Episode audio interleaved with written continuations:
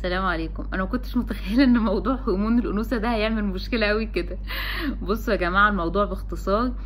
آه ربنا خلقنا ستات ورجاله في عندنا هرمونات ب level معين.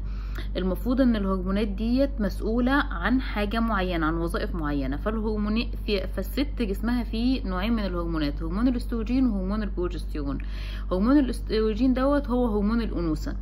بيعمل إيه هرمون الأنوثة دوت؟ هو اللي مسؤول عن الصفات الفيزيائية في الجسم يعني البنات اللي بتقول إن هي نفسها إن هي صدرها يبقى كبير صوتها يبقى ناعم بيبقى مسؤول كمان على التغيرات الجسمية للست في الفترة ديت بيبقى كمان مسؤول عن بعد الجواز عن جفاف المهبل. البنات اللي بتشتكي من إن هي ما عندهاش افرازات كتيرة في المهبل كل المشاكل الخاصة بالأنوثة المسؤول عنها الهرمون ده. هرمون البروجستيرون هو اللي مسؤول عن تنظيم الدورة الشهرية والحاجات دي. طيب دلوقتي البنات اللي نفسها إن هي جسمها يبقى فيه ملامح أنوثة صوتها يبقى نوعا ما بيرقق الصوت الحاجات دي مين اللي مسؤول عن الحاجات ديت؟ هرمون الأنوثة اللي هو الأستروجين. طيب إحنا محتاجين إن إحنا نزود الهرمون ده في جسمنا؟ آه طبعا محتاجين إن إحنا نزوده. آه طيب نزوده نعمل إيه؟ في حاجات كتيرة جدا طبيعية موجودة ممكن إن إحنا نزود بيها الهرمون دوت زي إيه؟ زي الأوميجا 3 الأكل الغني بالأوميجا 3 زي البيتا كاروتين اللي هو الجزر والحاجات دي زي فيتامين B complex اللي هي كل الحاجات اللي فيها فيتامين B. محتاجين الصويا وحليب الصويا وفول الصويا. ده موجود في كل مكان. أنتوا أكيد بتشوفوه في السوبر ماركت اللي هو حليب الصويا والكلام ده.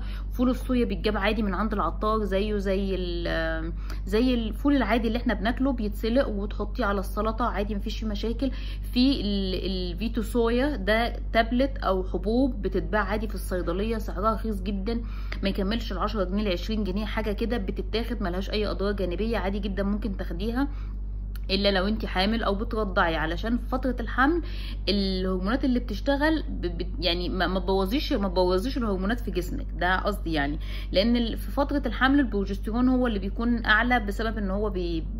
بيعلي بطانه الرحم بتبقى أكتر أكتر سماكة علشان تقدر تستقبل البيبي وكده. فما ينفعش خلال فترة الحمل إن انت تستخدمي أي حاجة من الحاجات دي خالص. ممكن تاخديها لو انت بنت ممكن تاخديها لو انت متجوزة. عادي ما فيش فيها أي مشاكل. آه الأستروجين كل اللي هيعمله هي, هي الناس اللي بتقول إن هي نفسها إن صدرها يكبر أو مظاهر الأنوثة عندها تبقى كبيرة آه هو الأستروجين بيعمل كده بيرقق الصوت بيزود الشعر في الجسم وفي ال... بيزود الشعر مش في الجسم بيزود الشعر في الشعر نفسه في الراس نفسها لأن اللي مسؤول عن تساقط الشعر أو الصلع الوراثي أو الحاجات ديت هي هرمون التستوستيرون. فده طبعا انت بتزودي هرمون الأستروجين ودي حاجة كويسة جدا إن الشعر عندك هيزيد وهيبقى فيه كثافة بيتخن آه بيتخن بس ما بيتخنش ب يعني إن انت هتفشولي لا بيزود الوزن شوية يعني زي ما بيقولوا كده الجسم بيبقى ملبن. حاجة يعني هو خاصة بالأنوثة فأكيد هتلاقي جسمك فيه في زيادة في الوزن. بس مش الزيادة اللي هي fat لا الزيادة اللي هي خاصة ب زيادة أنثوية.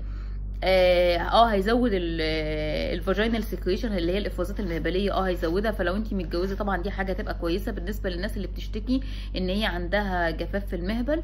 هي دي الحاجات اللي بيعملها. آه لو افتكرت حاجة تانية هزودها لكم عليها. فده باختصار كده الموضوع عشان كل الناس اللي سألت عليه.